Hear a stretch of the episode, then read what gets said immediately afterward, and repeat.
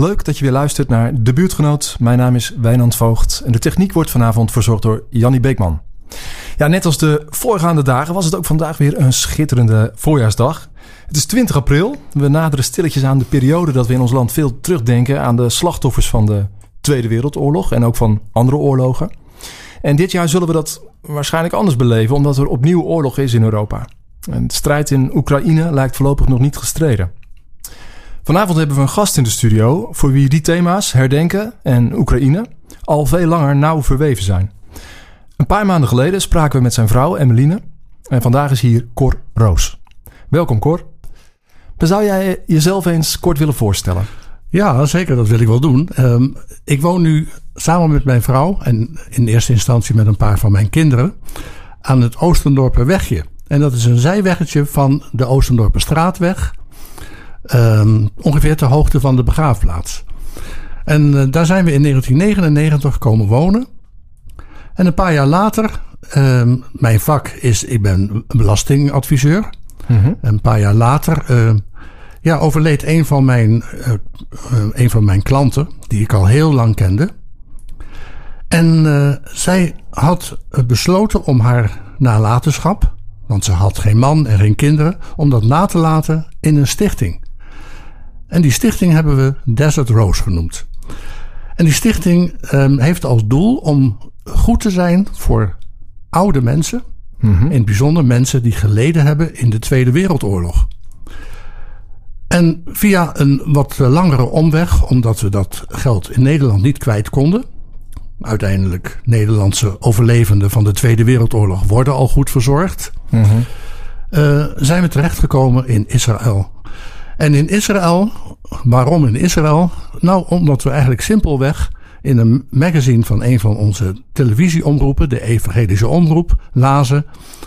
Uh, dat in het parlement van Israël, dat, dat heet de Knesset, daar werd verteld: mensen, we zorgen zo slecht voor onze Holocaust-overlevenden.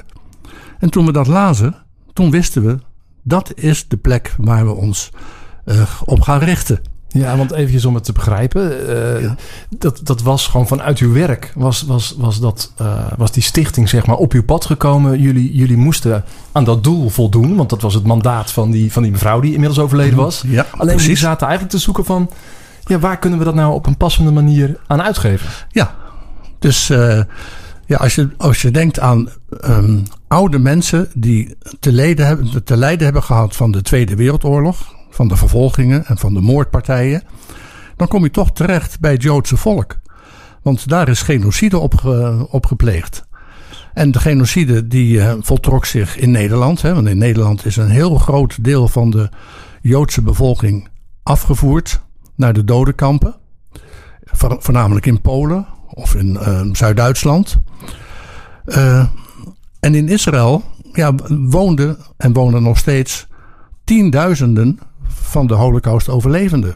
Toen wij daar begonnen, uh, mm -hmm. dus in, uh, dat was in 2008, dat is dus nu 14 jaar geleden.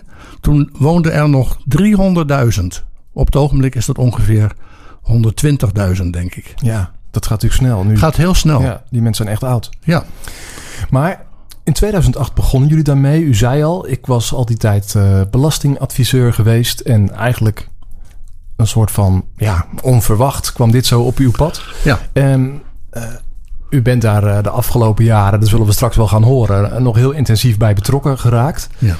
Um, had u dat voor die tijd ook al, die, die hele thematiek, misschien van ouderen, maar misschien ook wel juist die Joodse ouderen, speelde dat al uh, in uw denken of eigenlijk niet zo? Ik heb er zo'n spijt van dat ik daar nooit met mijn ouders over heb gepraat. En datzelfde geldt voor Emmeline, mijn vrouw die heeft er ook niet echt diep over door kunnen praten. Want het had, ja, het had wel onze belangstelling, de oorlog. Uh, maar wat wij uh, tegenkwamen in Israël was van een heel ander verhaal. Wij in Nederland kennen de Holocaust uh, met, met wat er gebeurde in Nederland en in België en in Duitsland, in Oostenrijk en in Polen. Ja, wij wisten niet wat we hoorden toen we in Israël waren, want daar kwamen we in aanraking met Russisch sprekende Joden. En die kwamen juist uit de voormalige Sovjet-Unie. En die hadden een heel ander verhaal. En dat andere verhaal, dat is dat ze daar ehm, niet werden vergast. Ze werden dus uh, niet opgesloten langdurig in kampen. Uh, ze werden niet te werk gesteld in fabrieken, Duitse fabrieken, de oorlogsindustrie. Maar ze werden kortweg doodgeschoten. Ze moesten een kuil graven. En uh, dat zijn massagraven die we nog, ja, die we nog steeds tegenkomen. Was dat, was dat al in de periode van de oorlog? Uh, dat zeg maar hier in, in Nederland, als ik het even heel cru zeg, dat de moeite nog werd genomen om mensen dan nog ergens aan een kamp te brengen. Hm. Er nog wel was? Of speelde dat ook gewoon allemaal veel later in de tijd daar in Oekraïne? Dat er al meer een soort ja, gevoel was: de tijd is op. We doen het niet meer. Uh, zelfs het laatste beetje beschaving, uh, dat, dat halen we er nu maar af. Uh, nee, het, het, het, verloop van de oorlog is heel anders geweest.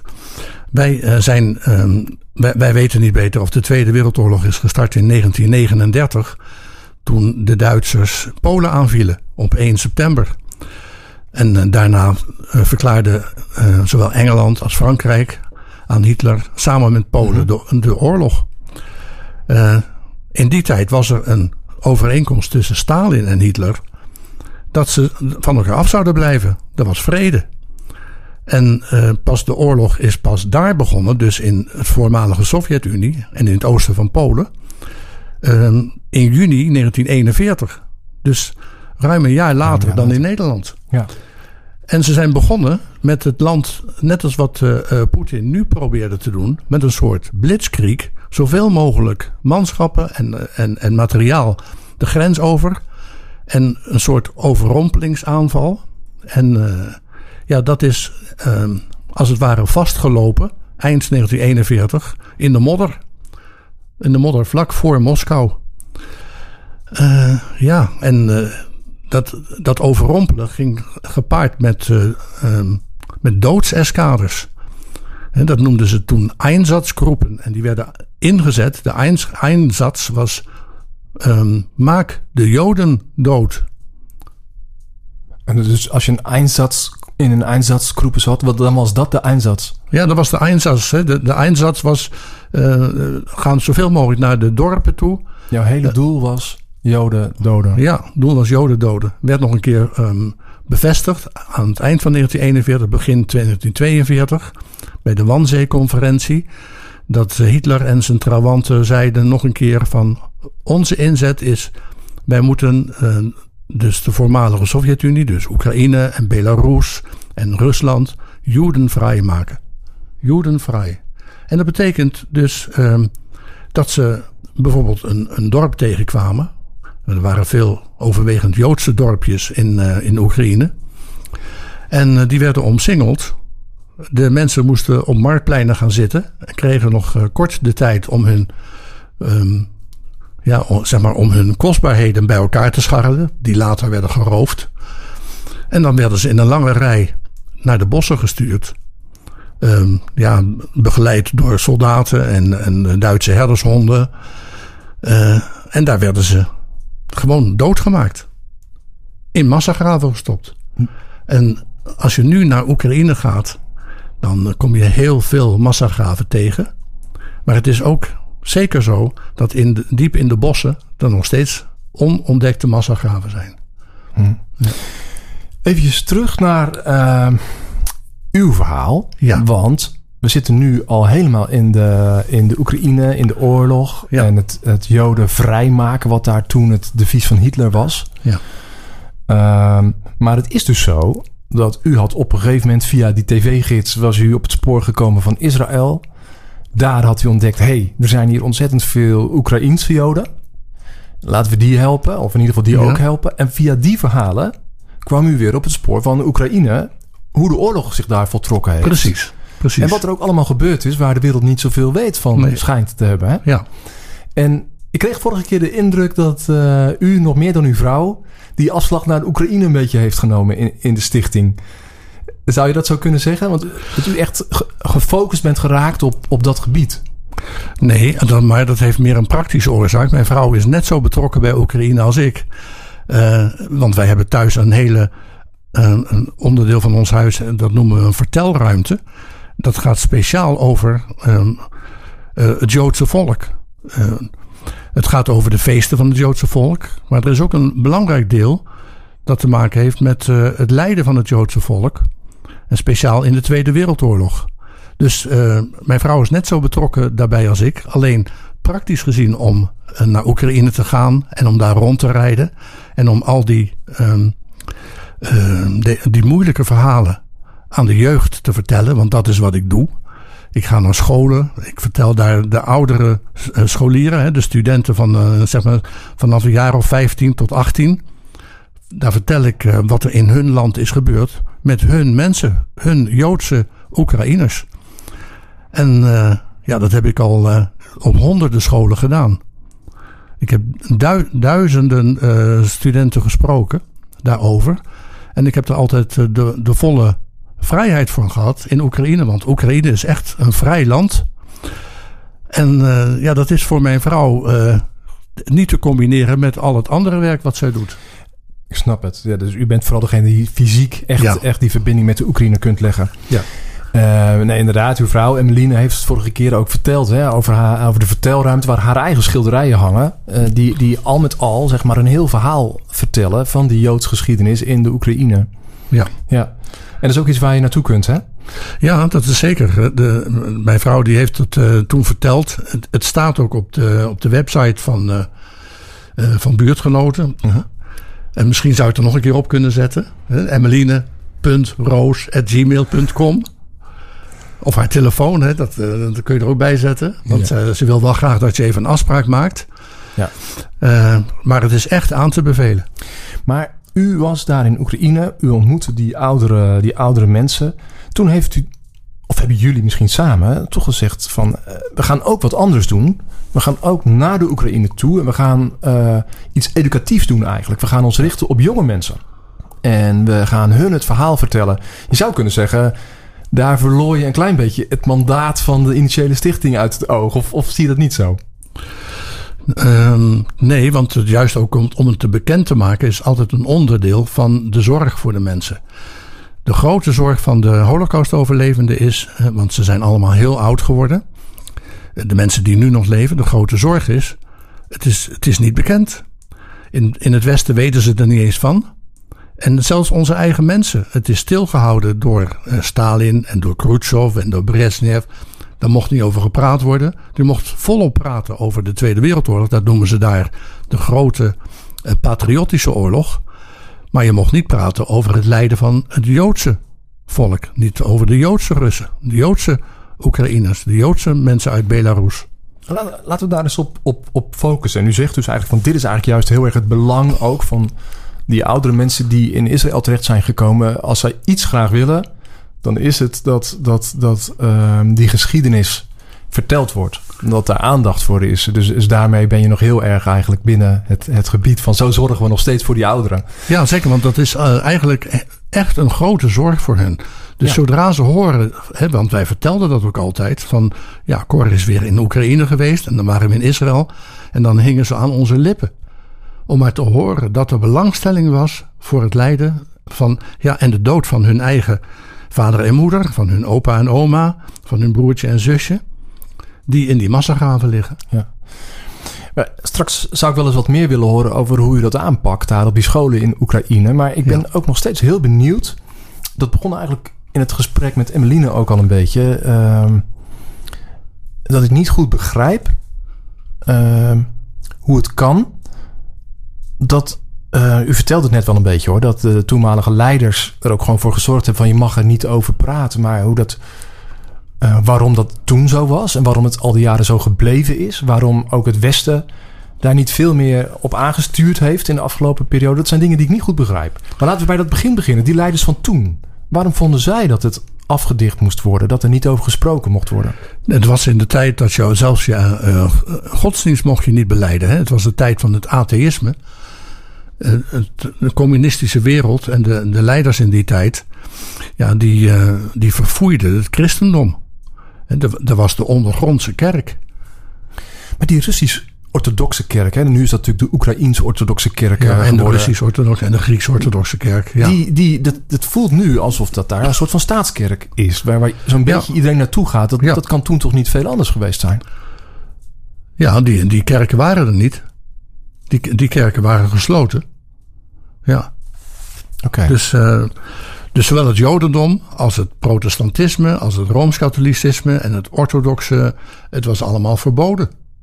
Er waren geen openbare ehm, bijeenkomsten en zo daarvan. Was dat dan een hele grote underground eh, church, zeg maar? eh? Nou, niet zo groot. Want eh, het werd natuurlijk eh, nogal repressief onderdrukt. Hè? Dat, eh, ja. Ja, je had bijvoorbeeld eh, hier... Maar in- toch nog even. het- Ja. Het was niet gelijk communistisch, toch? Of, Nou, in, in 1917 is daar zo dus eh, de revolutie geweest met Lenin. ja. Daar, en de opvolger van Lenin is Stalin geworden. Was een, een Stalinist. Ja, dus zijn naam zegt het al. Hij, hij was echt een vijand van, eh, van het Jodendom, maar ook van, het, eh, van elke godsdienst. ja, het is wel eigenlijk zo. Hè? Dus eigenlijk, ik, ik denk dat, dat dat begon later, dat, eh, dat communisme. Maar dat was daar natuurlijk niet zo. Nee, Dat was nee, daar nee. gewoon al jaren Ja. het regime eigenlijk. Ja, het was echt een, eh, een regime wat doorgelopen heeft. Oké, dus religie past daar niet in. Maar dan is dat nog een ander ding dan zeggen... een bepaald volk past daar niet in. Het Joodse volk. Nee, maar het Joodse volk mocht er wel in, want er waren heel veel Joden die meevochten in het Rode Leger. Het- zolang ze zich niet profileerden als een godsdienst, waren ze volledig gewoon burger. Ja, Maar dan zou je dus zeggen... alle reden eh, binnen die context... voor de leiders van toen... om wel eer te willen verlenen aan, aan de Joodse Oekraïners... die toen afgeslacht waren. Maar dat is niet gebeurd. Eh, nee, dat is heel vaak eh, gewoon. Dat, maar dat komt juist door eh, dat ze ervan overtuigd waren van we moeten de godsdienst vermijden. Dus als er ergens een, een monument werd opgericht en er waren bijvoorbeeld eh, eh, 10.000 Joden omgekomen, dan stond daar dus in plaats van Joden dat het Sovjetburgers waren. Ja. Om maar te vermijden dat, dat er te veel aandacht zou zijn voor een godsdienst. Oké, oké, dat kan ik ook nog snappen. Maar dan zou ik nog steeds zeggen, als je weet... Als eigenlijk de mensen weten, hier liggen duizend mensen onder de grond. Alleen, er er staat niet eens een bordje bij. Laat staan een monument. Hm. Dan, kun, dan kun je zelfs met wat u nu vertelt... kun je nou toch een monument maken en zeggen... hier liggen Oekraïners. Ja, en dat is ook wel gebeurd, maar lang niet overal. Lang niet overal. Ik heb, ik heb dat later een beetje nagezocht. Er is een of andere stichting, dat heeft denk ik uw vrouw ook verteld... van een, van een Franse pater. Die heeft zich hier ook behoorlijk in vast, eh, vastgebeten. En die heeft ook een soort kaart gemaakt van de Oekraïne. Een interactieve kaart. Waarin je tal van plekken in het hele land ziet van hier waren massagraven. Ja, En dan zie je dus, ja, ik denk honderden eh, graven die inmiddels... eh, Ont- erkenning, erkenning Ja. hebben gekregen. En eh, Ja. je ziet ook nog honderden graven, als ik het me goed herinner. Moet nog Waarvan onderzocht worden. aangenomen wordt van... Ja. hier is het waarschijnlijk ook zo, maar Ja. we weten het niet. Nee, we weten het niet. En die pater, dat, dat is pater de Beauvoir, en die is nog steeds, eh, nog steeds bezig. Hij, hij gaat, juist omdat er nu oorlog is, eh, beperkt hij zich tot Polen en tot de Baltische Staten. Maar zodra de oorlog over is, trekt hij met zijn teams weer Oekraïne en Belarus in. En ook Rusland zelf. Om te onderzoeken en om verhalen te verzamelen van oude Oekraïners of oude Russen die het hebben meegemaakt. En die kunnen ook aanwijzen wat de precies de locatie is geweest. Ja, Alleen eh, nog lang niet alles is ontdekt. nee. Nee. En je zou ook kunnen zeggen, het moet nu wel binnen een paar jaar gaan gebeuren eigenlijk. Ja, want eh, zelfs die oude Oekraïners zijn er niet meer. Niemand kan straks er nog van Nee. getuigen. Wat je wel kunt doen is gewoon, eh, het klinkt nu luguber, maar ik, als ik al die plekjes zie die hij al op zijn kaart heeft staan, die Pater Ja. Dubois, dan is het natuurlijk ook een kwestie van daar de grond in gaan en kijken wat daar ligt. Ja, als je ongeveer weet wat het is. Maar het is een, een enorm land hoor. Ja, Want eh, ja, dan moet je dus. eh, eigenlijk zou je met infrarood misschien iets kunnen Hmm. ontdekken. Dat, dat gebeurt al wel. Hè, dus, er is een Israëlische organisatie die juist ehm, eer wil be- bewijzen aan, eh, aan, aan de Joden. Want bij Joden is het heel belangrijk het begraven. Het lichaam is heel belangrijk. En eh, ja, anders krijg je dus dat ze op een gegeven moment een flatgebouw gaan, eh, gaan graven. En daar Joodse botten tegenkomen. Dat gebeurt. Mm. Ja, er is Ja. waarschijnlijk vaak genoeg in het verleden gewoon dwars door zo'n Ja, zo'n plek heen Ja. gebouwd. precies. Ja. Oké, ik snap nog niet helemaal hoe dat, hoe dat toen gegaan is. Maar u heeft wel uitgelegd van eh, het, eh, eh, het feit dat het het Joodse volk is. Dat heeft natuurlijk al bijna een soort religieuze lading. Ja. Zeker voor, eh, voor Westelingen en ook voor Russen die met Ja. de Russische orthodoxe kerk waren, waren grootgebracht. Ja. Daarmee lag er niet heel veel nadruk op. Van laten we daar nou eens heel veel werk van maken. Nee. Maar je zou toch zeggen dat er vroeg of laat stemmen zijn die zeggen van jongens, het kan niet. Er liggen hier misschien nog wel honderdduizend mensen onder de grond die nooit daar, Ja. eh, die letterlijk nog begraven zijn in de tijd, zeg maar. En, en waar geen aandacht naar uitgaat. Als hier ergens in Nederland iemand een been gebroken heeft in de Tweede Wereldoorlog, dan staat er een monument voor. Daar liggen zoveel mensen gewoon onbekend Ja. afgeknald in een put. Ja. En er moeten toch mensen geweest zijn die zeiden van... hier moeten we aandacht aan schenken. Ja, ja, nou ja dat, dat is maar heel sporadisch dus gebeurd. Want eh, ehm, ja, dat ligt misschien aan de aard van het Oekraïense volk. Er komt steeds meer belangstelling voor wat er met de Joden is gebeurd in de Tweede Wereldoorlog. Ehm, maar toen ik daar eh 14 bij, jaar Bij wie? bij het, bij het Oekraïense volk. Bij het Oekraïnse volk zelf. Ja, het is nu een hoofdvak eh, op de scholen. Dus er wordt volop aandacht aan gegeven. Er zijn eigenlijk tot nu toe twee grote gebeurtenissen geweest. Wat onderwezen wordt in de Oekraïnse scholen. De eerste is de grote hongersnood. Dat noemen ze ook de genocide op het Oekraïense volk van 1933. Toen heeft Stalin verboden dat ze hun eigen boerderijen mochten hebben. En alle oogsten ingepikt. Een paar jaar achter elkaar. En ehm, dus dat, dat heet de Holodomor, de grote hongersnood. En de Holocaust. Dat zijn de twee grote evenementen als het ware op de scholen. Maar is dat eigenlijk een recente ontwikkeling... dat die twee eh, onderwerpen in het geschiedenislesprogramma opgenomen zijn? Dat is eigenlijk een recente ontwikkeling, ja. Ja. Eigenlijk nog niet eens, eh, dus, eh, Oh korter dan twintig jaar geleden. Ja. Ja. Jij kwam vanuit de verhalen van Israël, de Oekraïners al daar, kwam je op dit spoor. En toen dacht jij, nu zou ik eigenlijk dit aan de jongeren in de Oekraïne moeten gaan vertellen. Hoe, hoe liep dat zo? Nou, dat ging als volgt. Ehm, ik werk daar, ik spreek geen Oekraïens en ik spreek ook geen Russisch, dus ik word geholpen door tolken. Tolken die Engels spreken. Eh, en ehm, in de praktijk gaat het, ging het dus als volgt. Eh, ik zei tegen een tolk van ik zou graag naar die en die en die plaats willen deze keer. Dan ging zij het hoofd van de school, de directeur, bellen meestal de onderdirecteur of, eh, of de, eh, de docent geschiedenis. Ehm, ik heb een Nederlander en die komt graag vertellen over de Holocaust. Is daar ruimte voor? En dat ging altijd goed. Hm. We hebben eigenlijk nooit meegemaakt dat de school zei van, ja, wat is dat nou? Daar hebben we helemaal geen tijd voor. Nee, ze waren juist eh, blij dat ik kwam. Dus ik gaf daar, ehm, ja, wat je kan noemen, lezingen. En dan ging ik eh, naar zo'n school toe. Dan werd meestal een aantal klassen bij elkaar gevoegd. Soms eh, was het een man of 50. Soms waren het er 200 in, in, een, in een aula. En eh, dan begon ik me eerst voor te stellen, zoals ik vanavond deed. En dan ging ik tegen, die, tegen die jongens en meisjes praten. En dan vertelde ik van... Ik kom dus vertellen wat er met jullie, eh, jullie volksgenoten is gebeurd hè, tijdens de Tweede Wereldoorlog. Want die mensen die wonen nu in Israël. Er zijn er nog maar een paar in Oekraïne.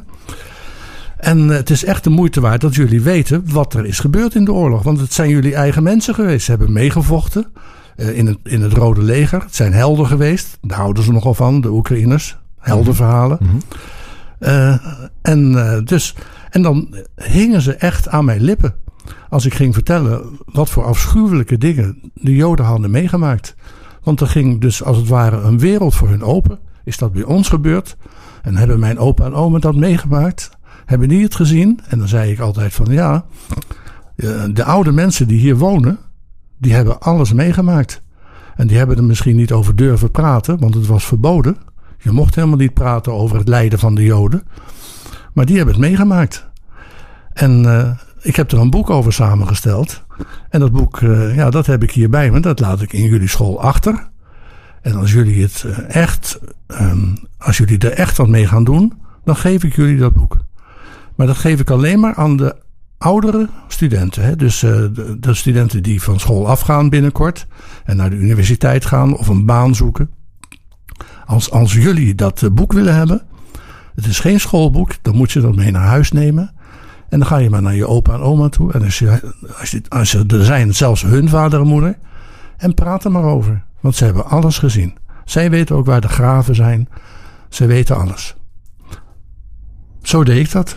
En zo heb ik echt duizenden van die jongelui uh, toegesproken. Ja. En ik was weet dat op, middelbare scholen? Of dat was, op, op middelbare scholen. Of universiteiten? Ja, het onderwijssysteem is iets anders daar. Uh, maar ik ging uh, altijd naar de middelbare scholen, naar de colleges. Dat is meer het beroepsonderwijs. En ook naar de universiteiten. En daar heb ik ook wat meegemaakt. Ik weet nog wel, een van de eerste jaren dat ik dat ging doen, ging ik naar de universiteit uh, in de stad waar ik een appartement huurde. naar de afdeling geschiedenis. En daar zaten dus een, een grote groep studenten. Daar zaten ook een stuk of vijf, zes professoren. De lui van de bibliotheek, de bibliothecarissen zaten daar. En toen begon ik te vertellen. En tot mijn grote ver, verbijstering als ware zag ik dus dat, dus dat niet alleen de studenten, maar zelfs de professoren zaten te huilen. Die hadden er nog nooit van gehoord. Hoe kan Die wisten dat niet. Hoe kan dat dan? Ja, omdat ze dus niet onderwezen werden over de, het Joodse volk, het Joodse lijden, de genocide. Hier, ja, ja, dus hier, dat zijn bij wijze spreken waar dat, uh, die docenten waren misschien veertigers, vijftigers. Ja. En die hadden dus van hun ouders dat verhaal nooit doorgegeven nee, gekregen. Maar ook niet tijdens hun eigen opleiding. Nee, ze wisten alles inderdaad. van de Tweede Wereldoorlog. Docent geschiedenis, ja. ja. Maar ze wisten dus niet van het Joodse lijden. En ja, waren, ze, wisten, dan, waren ze, ze, dan nog in de verleiding om... Nee, ik denk het niet, want u zegt dat ze zaten te huilen. Maar ik kan me ook voorstellen dat mensen dan denken... ja, ga jij ons nou even uit Nederland zitten vertellen... hoe het met ons geschiedenis zit? Dat mensen denken van, is het wel waar? Nee, er is nooit het enige twijfel geweest. Want ze wisten inmiddels dus van... het staat inmiddels in onze boeken, in onze schoolboeken. Alleen maar ik, toen, maar ik maar vertelde het dus niet. Of? Nee, maar ik vertelde ook niet uh, wat er gebeurde. Het was geen geschiedenis. Geen algemeen verhaal. Het was een... Ik gaf dus aan wat er met die mensen echt gebeurd was. Hè? Verkrachtingen, uh, uh, kindertjes doodschieten, baby's uit elkaar rukken en al, de, al dat soort dingen. En als je al die verhalen tot je door dingen, als je nu kijkt wat er gebeurt in Oekraïne, dan krijg je ook de tranen in je ogen. Terwijl je weet wat er gebeurt. En hetzelfde gebeurde dus ook met die professoren. Ze hoorden dus voor het eerst dus um, hoe dat dus persoonlijk met de mensen gegaan was. Het waren persoonlijke verhalen. Tegenwoordig neem ik ook um, een tweetal video's mee. Ik kies altijd tijdens zo'n lezing welke van de twee video's laat ik zien. Zijn video's van Holocaust-overlevenden die dat persoonlijke verhaal wat met hun familie is gebeurd, die vertellen dat. En die vertellen hoe ze zelf ontsnapt zijn, hoe ze het overleefd hebben. En dat is echt iedere keer als ik dat, dat zie en ik zie die emotie in de ogen van de holocaust, van die oude mensen, ja, dan krijg ik zelf ook een brok in de keel. Ik laat video's zien van, uh, van, van executies. Dat kun je daar gewoon laten zien op scholen. En uh, ja, dat is heel verschrikkelijk. Dat dringt echt diep door. Als je dat ziet, ik zeg ook altijd tegen ze van, luister nou eens. Jullie hebben nou een uur naar me geluisterd. Ja, dan kun je dus uh, um, zometeen je telefoon pakken en weer gewoon doorleven. Maar jullie hebben het wel gehoord. En dit geeft zo'n uh, verantwoordelijkheid voor de toekomst. Dit mag nooit meer gebeuren. Je mag nooit zo met je eigen volksgenoten omgaan. Het gebeurt nu in Oekraïne. Het gebeurt volop. Want was dat uw inzet van oké, okay, dus de, u wilde dat de jongeren dat verhaal leerden kennen? Ja. En ook niet alleen de jongeren, maar zelfs, uh, u sprak zelfs tot, tot uh, de professoren. Ja. Die raakten daar ook uh, bewogen door, door, dat was duidelijk. Ja. Wat was nou uw wens dat er zou gebeuren? Nou, dat, dat ze dus nooit zouden vergeten dat dit was gebeurd in hun eigen land. Want dat is ook de grote wens van de Joden. Ze mogen nooit vergeten dat dit met ons is gebeurd. Um, het was ook zo, dat heb ik heel vaak gehoord van overlevenden dat hun moeder zei van luister, probeer te overleven, want anders kan niemand vertellen wat er met ons is gebeurd, met ons Joden. Want ze werden, de Duitsers wilden 100% afslachten. Dus de enkeling die ontsnapte en die kon overleven, dat was ook degene die het later kon vertellen. Ja. En dat is hun grote wens, dat, ik nog steeds, dat het nog steeds verteld wordt. Ja. En in veel gevallen zijn die overleefden natuurlijk ook nog eens naar Israël getrokken. Ja, maar er zijn er ook nog die in Oekraïne zelf leven, Ja. in Hoeveel- Joodse Hoeveel gemeenschappen. Joodse mensen schat u dat daar eh wonen Nou, in dat- de Oekraïne? Dat is duidelijk een heel stuk verminderd nu, de laatste eh, maand. ja. Want eh, er zijn nogal veel Joodse Alsnog naar Israël. ja, Joden die naar Israël zijn gegaan. Maar de overlevenden, dat zijn er maar heel weinig. Want dat zijn de hele oude mensen. Ja. Maar ik neem Ja. aan dat zij het als geen ander aan hun nageslacht hebben doorverteld. Of zit daar ook nog weer... Daar Iets. zit ook nog het verdriet van heel veel overlevenden van de Holocaust. Dat ze dat niet gedurfd hebben. Het was verboden. Er werd niet over gepraat. Die kennis kan ook gevaarlijk zijn misschien. Ja. Misschien wilden ze hun kinderen wel beschermen. Ja. Met het niet te vertellen. Ja, Maar, daar, maar een Jood die, die kan toch zo de geschiedenis niet uitwissen. nee, maar dat hebben ze ook nooit gewild. De geschiedenis uitwissen. Alleen ze hebben zich wel stilgehouden. Is dat wat Het- anders? Dat is wat anders, omdat ze ehm, eh, ook moesten zorgen voor hun kinderen weer. De, ze hadden natuurlijk. eh, ehm, kijk, wij zijn zo gewend in het Westen dat we vrijheid hebben. We kunnen eigenlijk alles zeggen. Maar ook tijdens de, het eh, communisme kon je dat niet. Dat was eigenlijk. eh, dat was not. Eh, in, in Stalin, ja, we weten allemaal van de Gulag-archipel.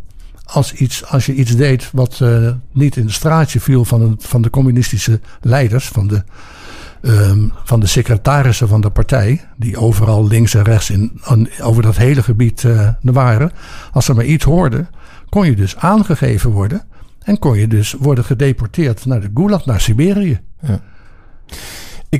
Ik wil nog een ander sprongetje maken. Want Ja. eh, een ding wat ik... eh, straks gaan we even praten over de actualiteit. En dat u eigenlijk in maart daar weer op een of andere school had willen staan. Maar dat het zo anders liep. Ja. Dat u nu aan het helpen bent.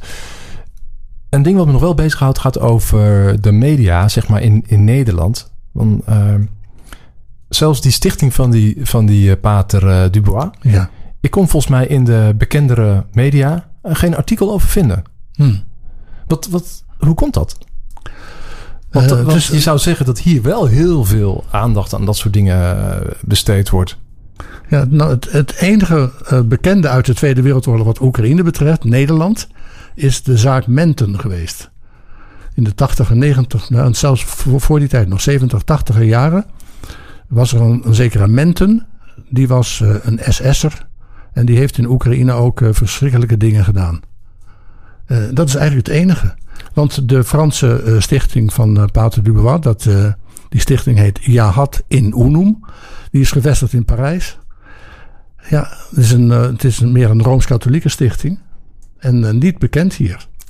Nee, niet Nee, bekend hier. nee, heel opmerkelijk vind Ja. ik dat. Ja. Ik moet zeggen dat ik na... eh, ik, ik, ik ken wat journalisten zo in de landen... en dat ik na het gesprek vorige keer... eh, ook nog wel wat contactpogingen heb gedaan. Van, hey, is dit niet iets om, om, om eens naartoe te gaan... en eens uit te gaan zoeken van... hoe leeft dat daar nou? En precies op dat moment brak die oorlog uit. En dan opeens, en daar zult u dus ook sterk mee te maken hebben...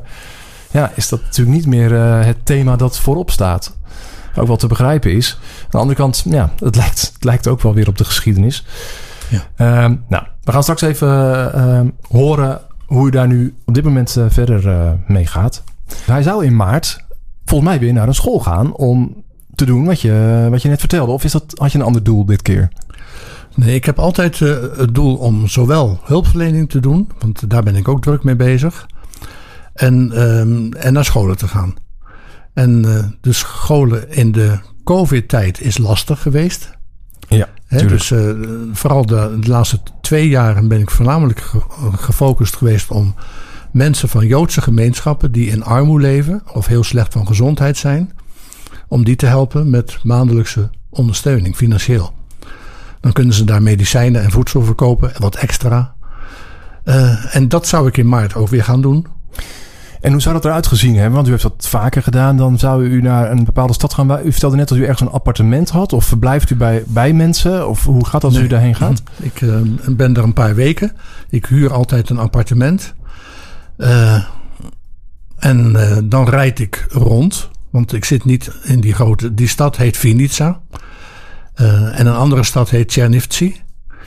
Dat zijn twee steden waar ik nu me op concentreer. Mhm. En de omgeving daarbij. Dus de hele provincie Vinica, dat is een provincie ongeveer ter grootte van uh, um, Brabant en Limburg samen. Zo'n beetje. Ja, en daar zoekt u Joodse mensen op. En dan met Ja. name nog weer ouderen die wat bijstand kunnen gebruiken. Ja, En dan voorziet u gewoon in... in eh, de maandelijkse financiële ondersteuning. Oké, dat is Ja. een vaste maandelijkse ondersteuning. Ja, ja. En eh, dat doe ik via een familiestichting, een andere stichting waar we vanavond niet over hebben. Eh, ja, en eh, dat zou ik dus in maart ook gaan doen. Het is zo dat ik daar eh, met eh, de, de, de plaatselijke leiders heb ik nog steeds bijna dagelijks contact over de noden die er zijn. Ja, want die betalingen die kunnen natuurlijk toch wel doorgaan? Of ja, de betalingen gaan, gaan eh, wel door. Via via gaan de betalingen door. Ze zijn vandaag weer overgeboekt voor de maand april. Ehm, ja, dus dat, dat kan gelukkig doorgaan. Ehm, wat ik merk is, wat er, eh, waar er sterk behoefte aan is, is medicijnen en voedsel. Wij- horen op het, eh, op het nieuws van er zijn weer zoveel wapenzendingen heen gegaan. Maar ja, dat is voor de militairen, hè? dat is Ja. voor de soldaten, voor de luchtmacht en voor de landmacht. Maar al die mensen die op de vlucht zijn geslagen, of die nog in hun eigen huis wonen, hebben wel te maken met steeds legere winkels.